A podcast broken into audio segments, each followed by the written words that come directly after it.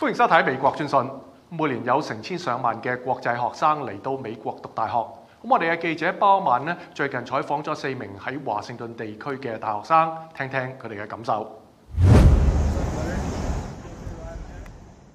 嚟到美国呢句说话系陈腔滥调嘅讲法，不过每年都有无数嘅国际学生选择到美国嘅各间学院同大学学习。嚟自俄罗斯嘅西蒙诺娃喺华盛顿美利坚大学学习商科。what appealed to me the most is my ability to double majors, a double major and minor in fields that are not connected at all between each other.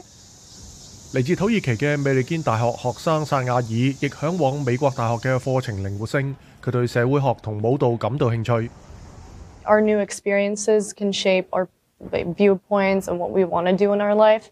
So that's why I feel like yes, we should have an idea of what we want to do. 呃，what we want to study, but at the same time leave some room open for different opportunities, like a minor or like double majoring, or even changing your major. 就喺首都华盛顿北部，喺马里兰州洛克维尔市嘅蒙哥马利学院，记者遇到咗另外两名国际学生，嚟自伊朗嘅埃斯梅里，将佢嘅主修专业从教育改为工程学。佢中意学校提供嘅实践方法。Here is more focus on the lab part. than I am. And I think it's very good for my major as an engineer because I think engineers need to use their hands, not only their mind.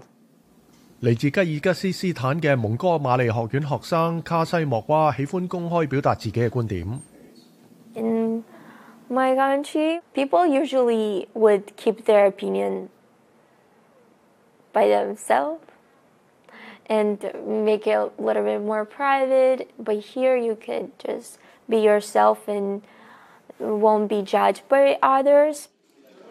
佢仲改變咗佢嘅主修專業，從新聞學改為市場學。There's lots of options for students with what profession would they like to choose。不過喺美國有啲事情係需要適應嘅。學生提到食物。新鮮食物好少，但係快餐更多，以及偶然喺語言上出現嘅障礙。但係所有人似乎都對喺呢度學習感到興奮。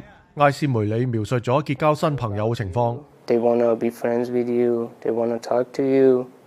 So I think, um, my one suggestion is that don't let yourself be alone. Find some friends. I really like that it's really diverse. that all of the nationalities, all of the religions, all of the races are represented here. People are here from every single place on earth, and they bring their own culture, which is, I think, what makes the actual U.S. culture. 喺呢種文化當中，你可以自由地做自己。如果你願意嘅話，仲可以改變你嘅主修學習專業。記者包曼華盛頓報導。下邊我哋介紹一名喺美國居住嘅烏克蘭劇作家。佢最新嘅戲劇創作咧，講述佢同喺基庫居住嘅八十二歲媽媽喺俄羅斯侵略期間嘅網上通訊。咁下邊嘅記者亞當斯嘅介紹。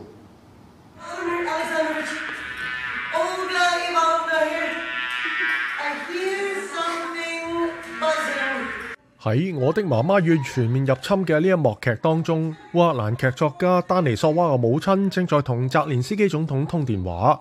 佢正将一罐叶黄瓜瞄准俄罗斯嘅无人机。受到同母亲不断倾谈交流嘅启发，丹尼索娃创作咗一部以俄罗斯入侵乌克兰为中心嘅黑色有趣嘅戏剧。This play is about my mom who refused to leave Ukraine when Russia invaded. She just said I'm not going anywhere. Since the start of the war, she's behaved like she's the commander in chief. Here we have Zelensky, Macron, Biden, they're all here and my mom's in charge. That's how the play begins.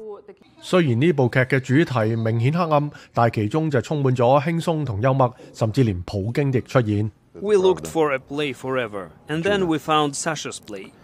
It truly is a miracle. She connects real messages, the ones her mom sends her via Skype, with this fantastical reality.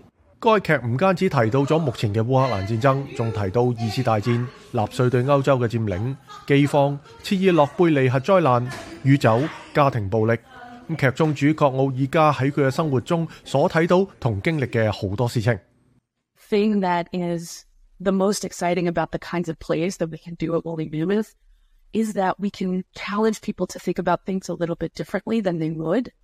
丹尼索娃喺俄罗斯工作多年，但喺俄罗斯入侵乌克兰之后立即离开。佢认为最重要嘅事情系同世界谈论正在进行嘅战争。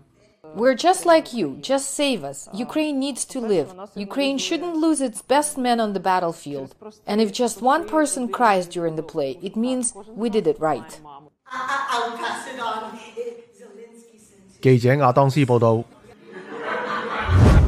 多謝沙睇美國專訊，下次嘅節目時間再見。